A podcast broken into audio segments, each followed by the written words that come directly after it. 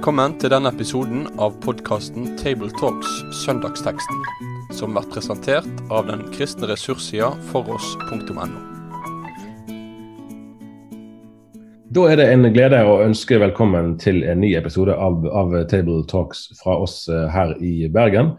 På hver våre hjemmekontor sitter eh, Gunnar Ferstad, som er rektor på Bibelskolen på Bildøy. Førstelektor Rolf Kjøde på NLA-høgskolen og meg sjøl, Tarjei Gilje, som til daglig er redaktør i Dagen. Vi skal snakke om teksten for allehelgens dag, og det er Gunnar som leser fra Matteus kapittel 5, vers 1 til 12. Da Jesus eh, så folkemengda, gikk han opp i fjellet. Han satte seg, og læresveinene samla seg om ham. Da tok han til orde og lærte dem. Særlig de som er fattige i ånda, himmelriket er deres. Særlig de som sørger, de skal bli trøsta. Særlig de audmyke, de skal arve jorda. Særlig de som hungrer og tørster etter rettferd, de skal bli metta. Særlig de miskunnsame, de skal få miskunn. Særlig de reine i hjertet, de skal se Gud. Særlig de som skaper fred, de skal kalles Guds barn. Særlig de som blir forfølgde for rettferds skyld, himmelriket er deres. Ja, særlig er det når folk for min skyld spotter og forfølger dykk, lyg og taler vondt om dykk på alle vis. Gled dykk og jubler, for stor er lønna dykkar i himmelen, slik forfølger de òg profetene før dykk. Det er altså allehelgensdag som er den dagen vi konsentrerer oss om i dag. Eh, for et par uker siden så eh, prøvde jeg å forklare en av de mange som tar kontakt med redaksjonen i dagen med ymse henvendelser, at det som vi i dag kaller for halloween, egentlig har sitt utspring i eh, All Hallows Eve, og at det er en kristen merkedag. Men for å si det sånn, vedkommende som skrev var ikke spesielt godt fornøyd med den responsen. For denne dagen blir jo i dag forbundet med litt av hvert av andre ting. Hvilket forhold har dere til allehelgensdag i sin moderne utgave, den som vi ser rundt oss nå? Hvis jeg skal svare kort på det Det er egentlig litt sånn fort gjort å svare for min del på det. fordi den moderne utgaven som du kanskje spør etter, det med, med, det som handler om det kommersielle og, og grasker i butikkene og utkledning og eh, knask og knep. og, og Det som har kommet som en sånn bølge siste år, det, vi er på en måte vitne til det, vi som lever nå. Det er vår, det er vår samtid som har opplevd den, den voldsomme forsterkinga av, av, det kommersielle det. Jeg, jeg, må bare innrømme at jeg, jeg, jeg har ikke så veldig sånn tett eh, forhold eh, og nært forhold til det. Um, det er kanskje det korte svaret på det. Ja, altså Jeg vil vel egentlig si at jeg har et ganske avslappa forhold til det. Da det begynte, så var jo det en god del eh, reaksjon, sånne vanlige reaksjoner i en del kristne sammenhenger som gikk på en sånn her eh, åndeliggjøring, at det nærmest var det sataniske riket som steg fram her. Uh, og, og, vi fikk jo en del sånne alternative saker også. Vi fikk litt hallovenn. Og det syns jeg er helt fint at det er noe som har hallovenn, altså. Men, uh, men, uh, men, egentlig så har jeg fått en sånn avslappa forhold til det. Man, jo, kan jo naturligvis diskutere av sånt det et utslag av en sånn morbid holdning. altså Det er det morbide i kulturen som kommer fram. altså det uh, Dødsdyrkinga eller et eller annet knytta til det. Men jeg velger å tenke nei. Dette er, dette er litt sånn som Gunnar sier, det er en kommersiell øvelse som de har tatt inn fra USA. Det kan jeg som regel styre min begeistring veldig sterkt for. Og jeg har kanskje litt det samme forholdet til de som kom på dørene her, som når her når barn som har spist seg feite på godt i ukevis, og, og, også ikke minst gjennom jula, kommer i romjula og klapper på dørene og skal ha enda mer godteri. Eh, da må de gjerne få det, men de får liksom vond smak i munnen. og Det gjør egentlig her også. Det er velfødde unger som skal gå rundt og banke på dørene for å få ting som de ellers får noe av. Men sånn utover det helt avslappa. Det må vi bare holde på med det. Og jeg har jo barnebarn som er borti det.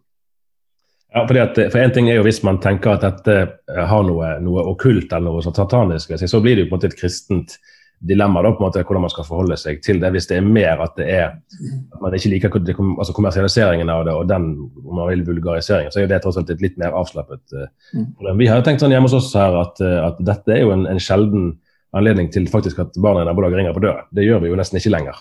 Uh, og at sånn sett man kan, Selv om vi kan tenke mange ting om, om det kulturelle, at det er en, egentlig en fin ting òg, at vi faktisk får en kontakt med naboene våre. Eh, og Det kan jo, kan jo gi muligheter for senere kontakt også, på en positiv eh, måte. Ja, det er masse sosialt i dette. ikke sant? Og det er jo, Vi, vi må være glad for eh, mange sånne sosiale ting. Og det kreative også. Det er masse kreativt her også som kommer til uttrykk. Så eh, vi, jeg syns vi skal senke skuldrene litt. Ja, ja det å minnes de døde, som jo er noe av utgangspunktet her, og noen ganger å søke kontakt med de òg, eh, det har jo lange røtter i folkereligiøsitet og i ulike religiøse tradisjoner. I eh, bekjennelsesskriftet Confessio Augustana, som vel dere kjenner eh, bedre enn de aller fleste som beveger seg rundt i landet, dette er jo et skrift som lutherske kirker slutter seg til, der leser vi at om helgendyrkelsen lærer de, altså vi forstått at man kan holde fram minnet om de hellige for at vi skal etterligne deres tro og deres gode gjerninger. Så Det er jo en, ikke en helgendyrkelse, men en, i hvert fall en, en slags helgenminnelse. da. Eh, jeg lurer på, Er dette et område der moderne protestanter, kanskje i frykt for, for katolsk utlidning, eh, ender eller endte med å gjøre selve helgenbegrepet eh, og møte det litt sånn fryktsomt? Uh, kanskje du har rett i det, Terje, men altså, jeg, jeg, um tenker at det må kunne gå an. Og jeg, jeg, velger å gå inn i det uten å frykte verken for å få et sånn katolsk utglidningsstempel eller form for, for dyrking av mennesker. Jeg, jeg, vil gå litt sånn fordomsfritt og litt fryktløst inn i det.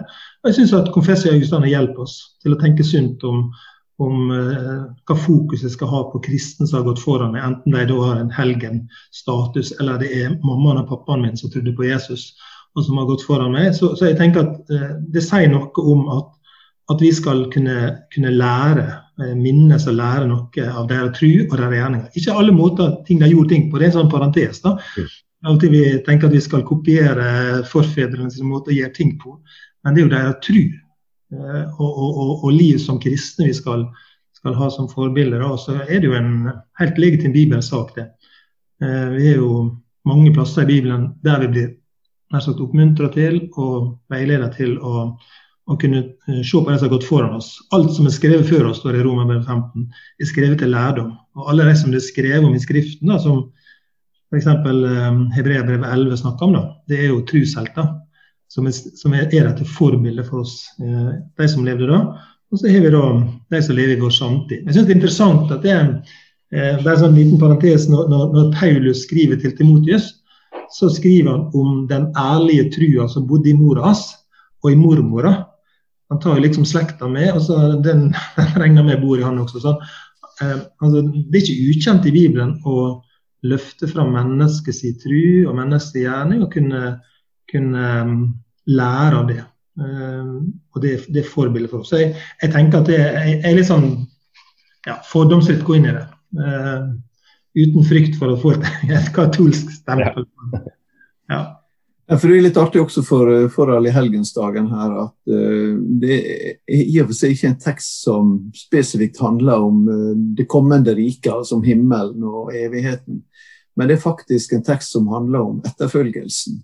Og Det er jo da i tråd med det som er denne dagen. Det er ikke all dødes dag, slik som en del vil gjøre til, men det er faktisk en dag der vi skal minnes de hellige som har gått foran og Gunnar viste til brevbrevet 11 her, og det følges jo opp i brevbrevet 13 også, der, der blir sagt at spesielt uh, skal dere da komme i hu leirene deres, de som taler Guds ord til dere. Tenk på livet deres og utgangen dere fikk, og ta deres tro til føredømme. Så det, det, er noe som vi påminnes i Skrifta, at vi skal, vi skal ta eksempel av de som har gått foran. Og så har vi jo ikke behov for å dra med oss verken eh, kanonisering av mennesker som en menneskelig institusjon har tiltatt seg eh, autoritet til å gjøre. det, det må vi stå opp imot. Det er jo reformatorene. Vi har ingen grunn til å kopiere den, den ja, det, det, som den katolske kirke gjør der, og den ortodokse kristenhet også, som er direkte galt, vil jeg si, og imot Skrifta. Eh, men det må ikke få oss til å løfte fram de som, vi, de som vi vil følge. og Dette har jo ingenting med at noen skal be for oss. Jeg har en som ber for meg hos Gud. Jeg har Jesus der, så jeg trenger ingen mennesker. Vi har ingen holdepunkt for at mennesker kan be for oss hos Gud. Så vi må ha en evangelisk inngang til denne dagen her, og frimodiggjøre denne dagen, tenker jeg. Og Derfor så vil jeg heller ikke kalle altså, Vi var inne på dette med All Hallows Eve her i stad. Eh, og det blir jo av og til kalt for allehelgens dag, eller kanskje allehelgens kveld, altså når en skal oversette det. Men der syns jeg egentlig at jeg har lyst til å snakke om halloween. Da fortsetter å snakke om det, for ikke å blande det sammen med dette her, som er veldig viktig, eh, tenker jeg da. Okay. Så går vi til, til, teksten, og det er jo virkelig en fantastisk eh, tekst som er satt opp denne dagen. Det er en av mine favoritter tror jeg vil si, i Det nye eh, testamentet. og hvis vi, vi snakker jo noen ganger om liksom, hva er det som med folkereligiøsitet og statsreligion og, og personlig tro, og hva er hva her. Hvis vi vil spørre om, om hvordan Guds rikes kvaliteter skiller seg fra de vi, vi, gjerne kjenner igjen både i politiske og i religiøse regimer for øvrig, så, så er jo dette en god tekst eh, å se på. Eh, salige er de som er fattige i ånd, leste vi først. Eh, jeg husker jeg, jeg undret meg litt når jeg leste dette her i yngre år eh, og forsto ikke helt. For vanligvis så var jo det vi skulle være åndelig rike, det var det som var idealet. Så det å skulle være fattig i ånden, at det var en god ting, kunne det virke som man snakket ned eh, åndelig modenhet. Men retorisk spørsmål det var en misforståelse? Ja, eh, ja det, det, kan jo det være. Jeg, har lyst til å, jeg skal komme tilbake til det. Jeg har bare lyst til å ta fatt i dette saligordet og inngangen til det. fordi at eh, nå leste Gunnar vakkert dine tekster på nynorsk. Ja, det var vakrere, det, altså. Ja men, ja, men der har de bevart dette sæle. Som jeg sa det, jeg satt i en kommisjon Bibel, før bibeloversettelsen kom i 2011 og veldig bekymra for eh, at en skulle lage en nynorsk oversettelse som var utdatert den dagen den kom ut. Altså en måtte lage en, man må ikke lage en nynorsk oversettelse med gårsdagens språklige løsninger, du må se framover.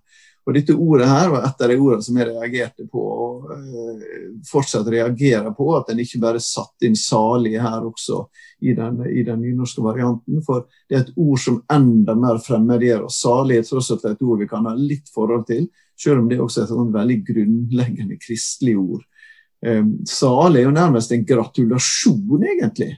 Av og til sier vi at vi kan oversette det med 'lykkelig', men det blir litt for flatt. For det er iallfall ikke bare 'happiness'. Uh, men, men, uh, men det, er, det, er, en slags gratulasjon. Uh, du, du, du, kom til et menneske her. Og Det, det syns jeg sånn, var ganske viktig å få fram. Det andre tingen i innledninga som jeg syns er viktig å få fram, det er at mens vi på slutten av bergpreika så står det at alt folket var forundra over at han lærte det med sånn myndighet, så er det helt åpenbart i begynnelsen her at han tok med seg de få eh, avsides, sannsynligvis, eller til en eller annen plass.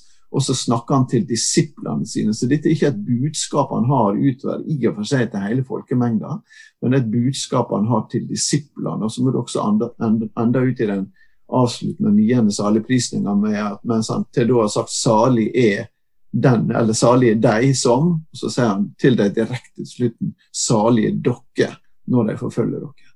Og så tilbake til, så tilbake til ånden her, da, og, ja. og spørsmålet ditt eh, som, du, som, du, reiser her. Um, um, nei, det har ikke noe med å snakke ned åndelig modenhet å gjøre. Tvert imot så må det vel handle om at uh, handle om at eh, det, vi som ikke har noe å komme med av oss sjøl Kanskje det er denne av saligprisningene som mest av alt understreker dette evangeliske perspektivet. At uh, vi har ingenting i oss sjøl. Vi, vi, er avhengig av å få alt av Han som gir. Eh, og det er, det er den innstillinga som slår an tonen i saligprisningene. Eh, å komme til Han som gir, fordi at jeg har ikke noe å komme med sjøl. Og så får vi da videre disse her, disse her eh, saligprisningene som sender oss på mange måter ut i livet og sier noe om hva som skal særprege en som følger Jesus. Akkurat. Ja, for når jeg, når jeg forberedte meg, Lodit, så, så fikk jeg en liten sånn aha-opplevelse med at når vi, når vi i hvert fall i vår velfødde kultur tenker på fattigdom og fattige, så kan det jo være lett på at den kanskje ubevisste refleksen går i retning av å tenke svakhet. Men egentlig er jo på en måte her et underliggende dypt poeng at den fattige er jo hjelpetrengende. Og Det er jo egentlig en veldig presis eh, karakteristikk av vår stilling overfor Gud. Vi er fattige på den måten at vi trenger Guds hjelp. Vi klarer oss ikke sjøl. Her, her, kjenner du deg igjen, eh, Gunnar, som en frommann. Ja, jeg kjenner meg igjen, og ikke bare det, men, men eh, det, er jo, det, er jo, kjekt at du liksom tenker eller spiller en sånn det motsatte, om det er det det går på. Svakhet eller åndelig umodenhet. Men, men, men det er jo er det akkurat det motsatte, tenker jeg. Og, og jeg tror at all åndelig modenhet, eller kanskje all åndelighet, i det hele starta er forankra nettopp i, i, det som Rolf sa litt om. da. Uh, og jeg bet meg merke i uh, Magnus Malm i en av de siste bøkene sine, så sier han om dette verset her at dette er ikke bare hovednøkkelen til å forstå bergprekenen, det er hovednøkkelen til alt liv og lederskap. Sitat Magnus Malm. Altså, vi, vi vi, hovednøkkelen ifølge han. da. Eh, og er det virkelig sånn det, at alt liv og lederskap og, og hovednøkkelen ligger i fattig, fattigdommen? Det å, å, ikke kunne gjøre noen ting og trygle om hjelp, og jeg tror det ligger en helt sånn grunnleggende sannhet i det. Vi er de hjelpeløse, og, og, vi kan finne mange varianter av det. Jeg tenker at det er en variant av det når Jesus sier at, det, at vi er ei grein på et tre, og uten han kan vi ingenting gjøre. Det er noe med med vår hjelpeløse eh, stilling, situasjon, som, som gjør at vi, vi, er avhengig av noen utenfor oss. Og det, og det, er den hjelpeløse som roper på hjelp. Det er den hjelpeløse som, mm.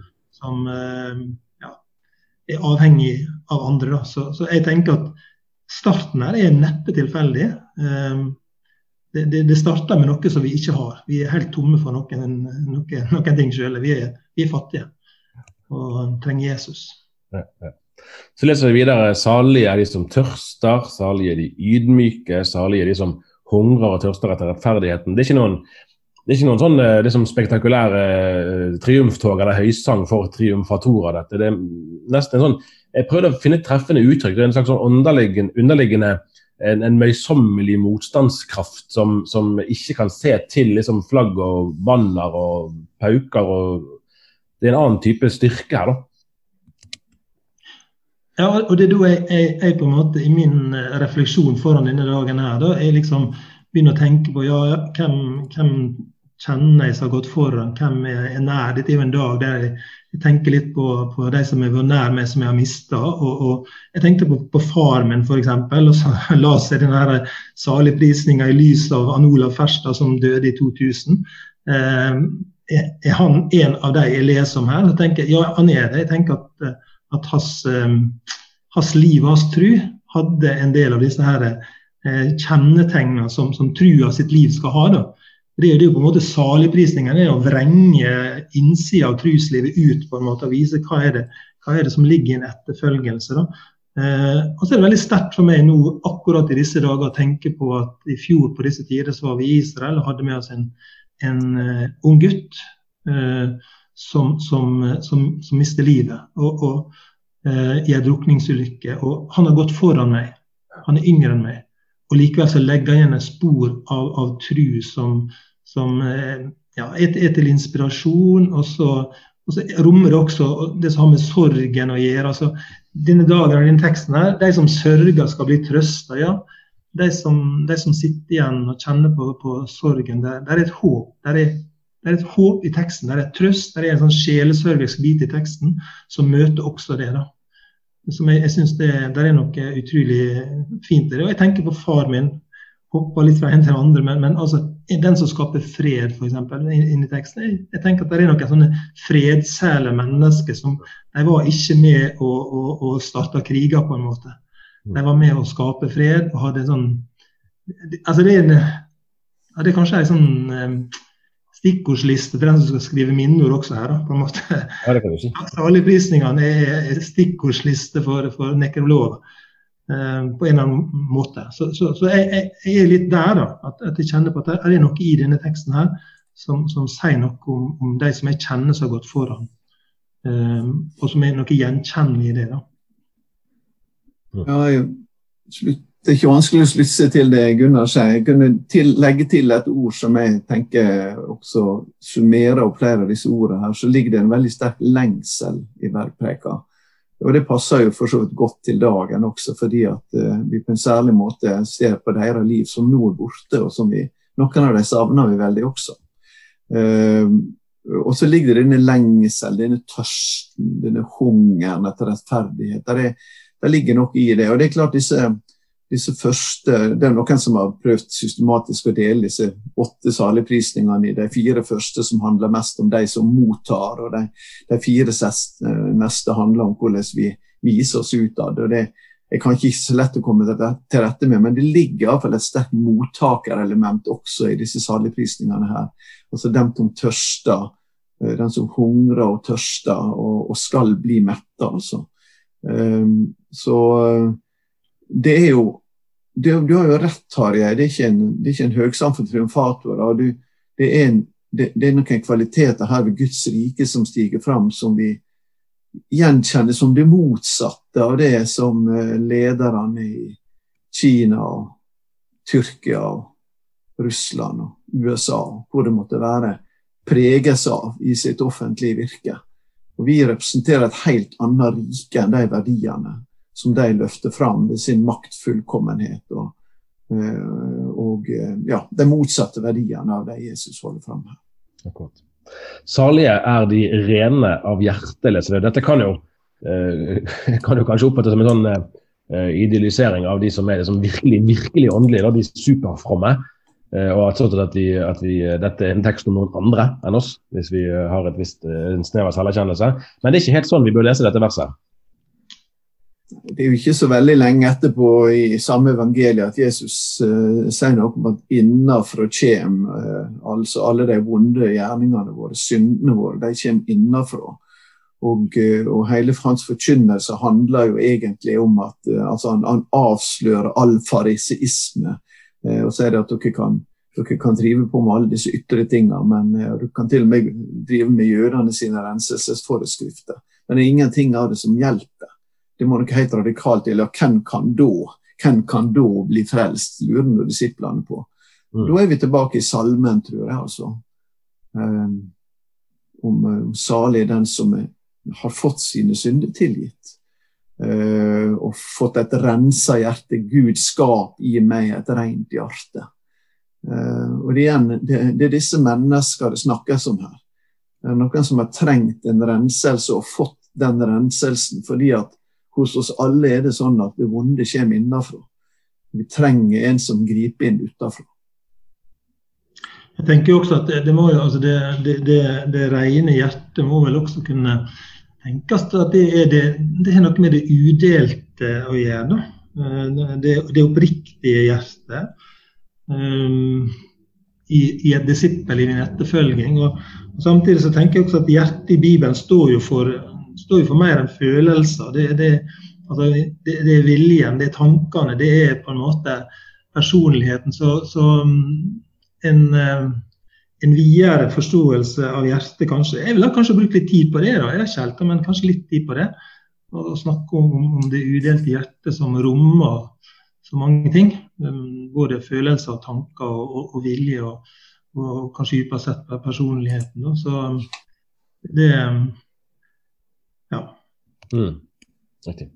Eh, og så avsluttes eh, teksten da med en eh, referanse til de som blir forfulgt for Jesu skyld. Og her er det jo, altså Alle disse saligprisningene er jo i en forstand altså har et frempek. i den forstand at Det er ikke sikkert at alle opplever den trøsten for eksempel, de skulle ønske her og nå. og Det kan man si om, om alt dette. Det er heller ikke noe løfte om at forfølgelsen skal ta slutt med det første, men vi leser om den ja, vi kan kalle det for nådelønn som de forfulgte i Kristus eh, siden skal få del i? Det er kanskje noe av det. Jeg synes det, Hvis jeg skal være ærlig, og det skal jeg jo være, da, snakke sant Det er krevende på en måte eh, å snakke troverdig i vår eh, vestlige verden om disse tingene som Jesus er så knalltydelig på. Da.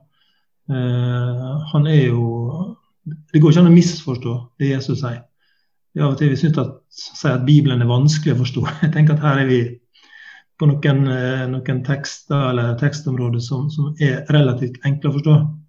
Det er forutsagt. Det vil være en pris og, i det å følge Jesus og, og stå fram med, med tydelig kristen vitnesbyrd. Jeg, jeg syns det er krevende å si noe um, truverdig klokt uh, om det. Mm. Fordi jeg i så liten grad opplever det sjøl. Det betyr jo ikke at det ikke er sant, men, men um, du får være med sånn ærlige innsteg på det da, i første runde. Ja, og, og, det er ikke vanskelig å gjenkjenne seg det. og Samtidig så kan en jo lure på om det er en sånn her eh, subtil altså sånn uh, Det kommer til oss i en finere klednad enn vi er, så det gjør at vi ikke registrerer det. og det jeg husker eh, jeg snakket med en, eh, møtte en kinesisk leder en gang som var veldig opptatt av dette. at vi, Dere må ikke tro at dere ikke er forfulgt i den vestlige kirka. Det er bare det at djevelen har lurt dere til ikke å se det. Dere forføres. Eh, dere forføres uten på en måte å registrere det dag for dag. Ja. Og Sånn sett vil han foretrekke da, eh, å ha den mer åpne motstanden. Og, men vi, vi, møter jo også en, en økende åpen motstand. Eh, men jeg tenker ikke minst på all den ideologiske identitetspolitikken som barna våre skal utsettes for helt ifra, helt ifra barnehagen. Eh, og, som er på en måte en statlig ideologi som vil, som vil til sjuende og sist, hvis vi bøyer oss for den, så har vi bøyd oss for, for en avgud. Og, så vi må ikke, ikke narre oss sjøl til å tenke at dette her ikke, ikke faktisk er er veldig virksomt midt iblant oss. Det tror jeg, det tror jeg at det er. Der er en forfølgelse. Og, og, vi har hatt en type åndelig beskyttelse fordi evangeliet har hatt en viss grad av styrke i kulturen vår. Og kan du spørre, Er, det, er vi i ferd med å miste denne åndelige beskyttelsen? Uh, og Samtidig så tenker jeg at nei, men vi kan ikke se mørkt på det heller. fordi at uh, ja, han har sagt at han skal bevare sin kirke gjennom trengsel. og Da kommer vi inn på litt av dagens tema igjen. ikke sant? Ja, eh, vi har mange nære som vi kan se tilbake på. Jeg er også noen nære, sånn som Gunnar sa i stad, som, som, jeg ser tilbake på med stor respekt, og det har stått nær livet mitt. Men det er også sånn som dagen, avisa di tar jeg nå har minnet oss på i noen år, at det er, er en del kristne rundt omkring i verden som i dag opplever eh, denne forfølgelsen. Som vi jo nå i tidlig november vel skal ha fakkeltog for også rundt omkring i norske byer. Og på en måte er det en oppfølging av allhelgensdag. De fakkeltogene som er for forfulgte kristne, det er jo egentlig en direkte oppfølging av allhelgensdag. Og jeg vil tro, Tarjei, hvis jeg kunne utfordre tilbake, dere, Det er ikke du som har skrevet om dette, men dere sitter jo i en redaksjon og i ledergrupper her som, som nettopp får inn mange av disse tingene, og dere velger å profilere dem i aviser. Og, og Det må jo det ligge en refleksjon bak, og hva, hva det har gjort med dere. Det er et godt spørsmål, og det har nok gjort uh, en hel del. og Vi tenker jo dypest sett på det. altså som tosidig at Det har en verdi i seg sjøl, fordi at dette er mennesker som blir utsatt for urettferdighet og, lidelse mange steder. og Det uh, uansett fortjener de at vi, at vi uh, skriver om.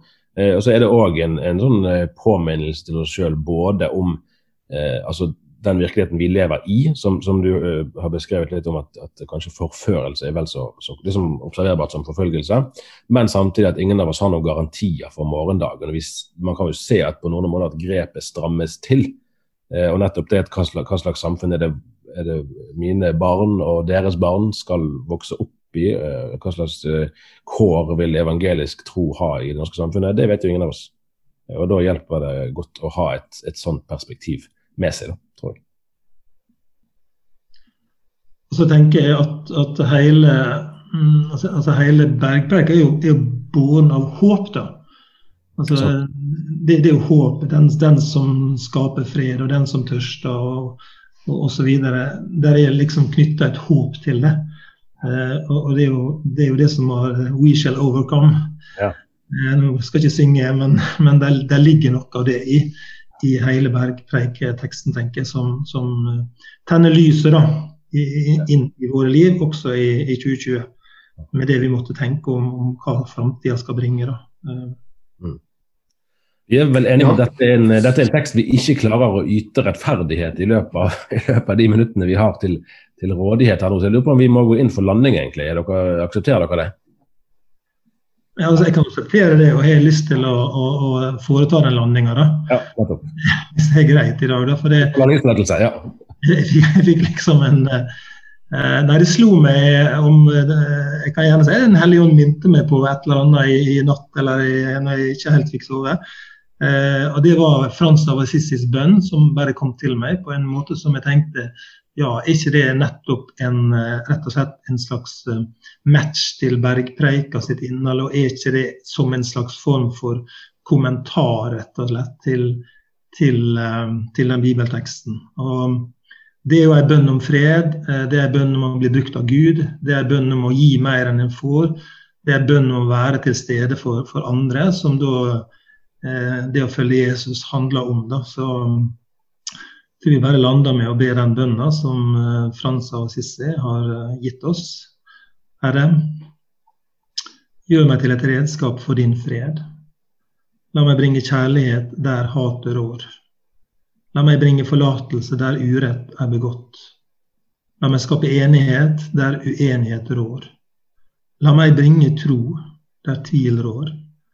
La meg bringe sannhet der villfarelse rår. La meg bringe lys der mørket ryger. La meg bringe glede der sorg og tyngsel rår. Å, Mester, la meg ikke søke så meget og bli trøstet som å trøste. Ikke så meget å bli forstått som å forstå. Ikke så meget å bli elsket som å elske. For det er gjennom at man gir, at man får. Det er ved å glemme seg selv at man finner seg selv. Det er ved å tilgi andre at man selv får tilgivelse. Det er ved å dø at man oppstår til det evige liv. Amen. Det må være en verdig avslutning. Takk skal du ha.